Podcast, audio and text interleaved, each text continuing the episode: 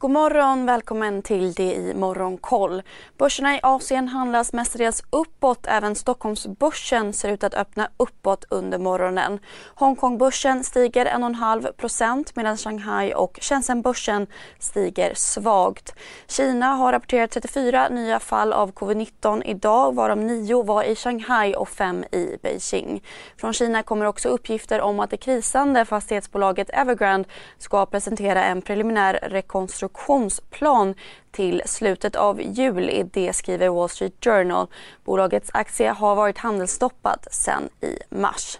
I Japan stärks Tokyobörsen 2,5% Vidare uppmanar Australiens centralbankschef invånarna att förbereda sig för stigande räntor och säger att räntebanan kommer styras av inflationsläget.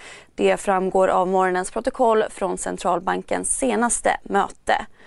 Börserna i USA höll stängt igår på grund av helgdag men räntorna har tickat upp något sen i fredags.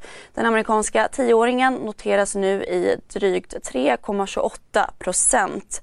Börsterminerna i USA pekar även de mot en positiv öppning i eftermiddag.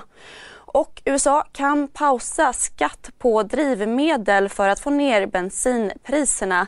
Det meddelade landets president Joe Biden igår. Ett beslut om bensinskatten väntas senare i veckan. På torsdag talar också Fed-chef CSRD, ännu en förkortning som väcker känslor hos företagare. Men lugn, våra rådgivare här på PWC har koll på det som din verksamhet berörs av. Från hållbarhetslösningar och nya regelverk till affärsutveckling och ansvarsfulla AI-strategier. Välkommen till PWC. FN Jerome Powell i kongressen. Och Fed-chefen i St. Louis, James Bullard, menar att centralbanken kan undvika en recession i år. Bullard sa igår att han hoppas på att banken kan upprepa framgången från den penningpolitiska åtstramningen 1994 då banken undvek en recession. Så Sverige där den höga inflationen slagit rejält mot svenskarnas inkomster medan lägre reallöner och stigande räntor slår mot konsumenternas köpkraft.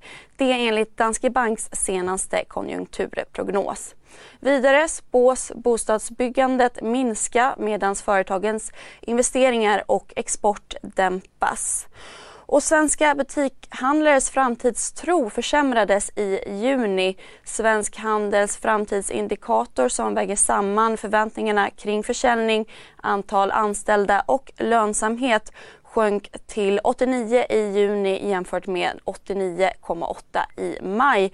E-handlarnas framtidstro försämrades också och sjönk till 91,9 i juni från 96,3 i maj. Idag har gamingbolaget MTG kapitalmarknadsdag.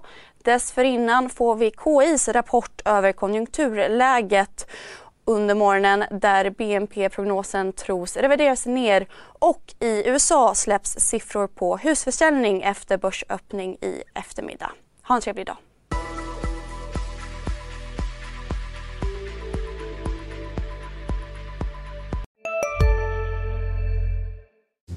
Hej, Synoptik här. Så här års är det extra viktigt att du skyddar dina ögon mot solens skadliga strålar. Därför får du just nu 50% på ett par solglasögon i din styrka när du köper glasögon hos oss på Synoptik. Boka tid och läs mer på synoptik.se. Välkommen! CSRD, ännu en förkortning som väcker känslor hos företagare. Men lugn, våra rådgivare här på PWC har koll på det som din verksamhet berörs av. Från hållbarhetslösningar och nya regelverk till affärsutveckling och ansvarsfulla AI-strategier. Välkommen till PWC.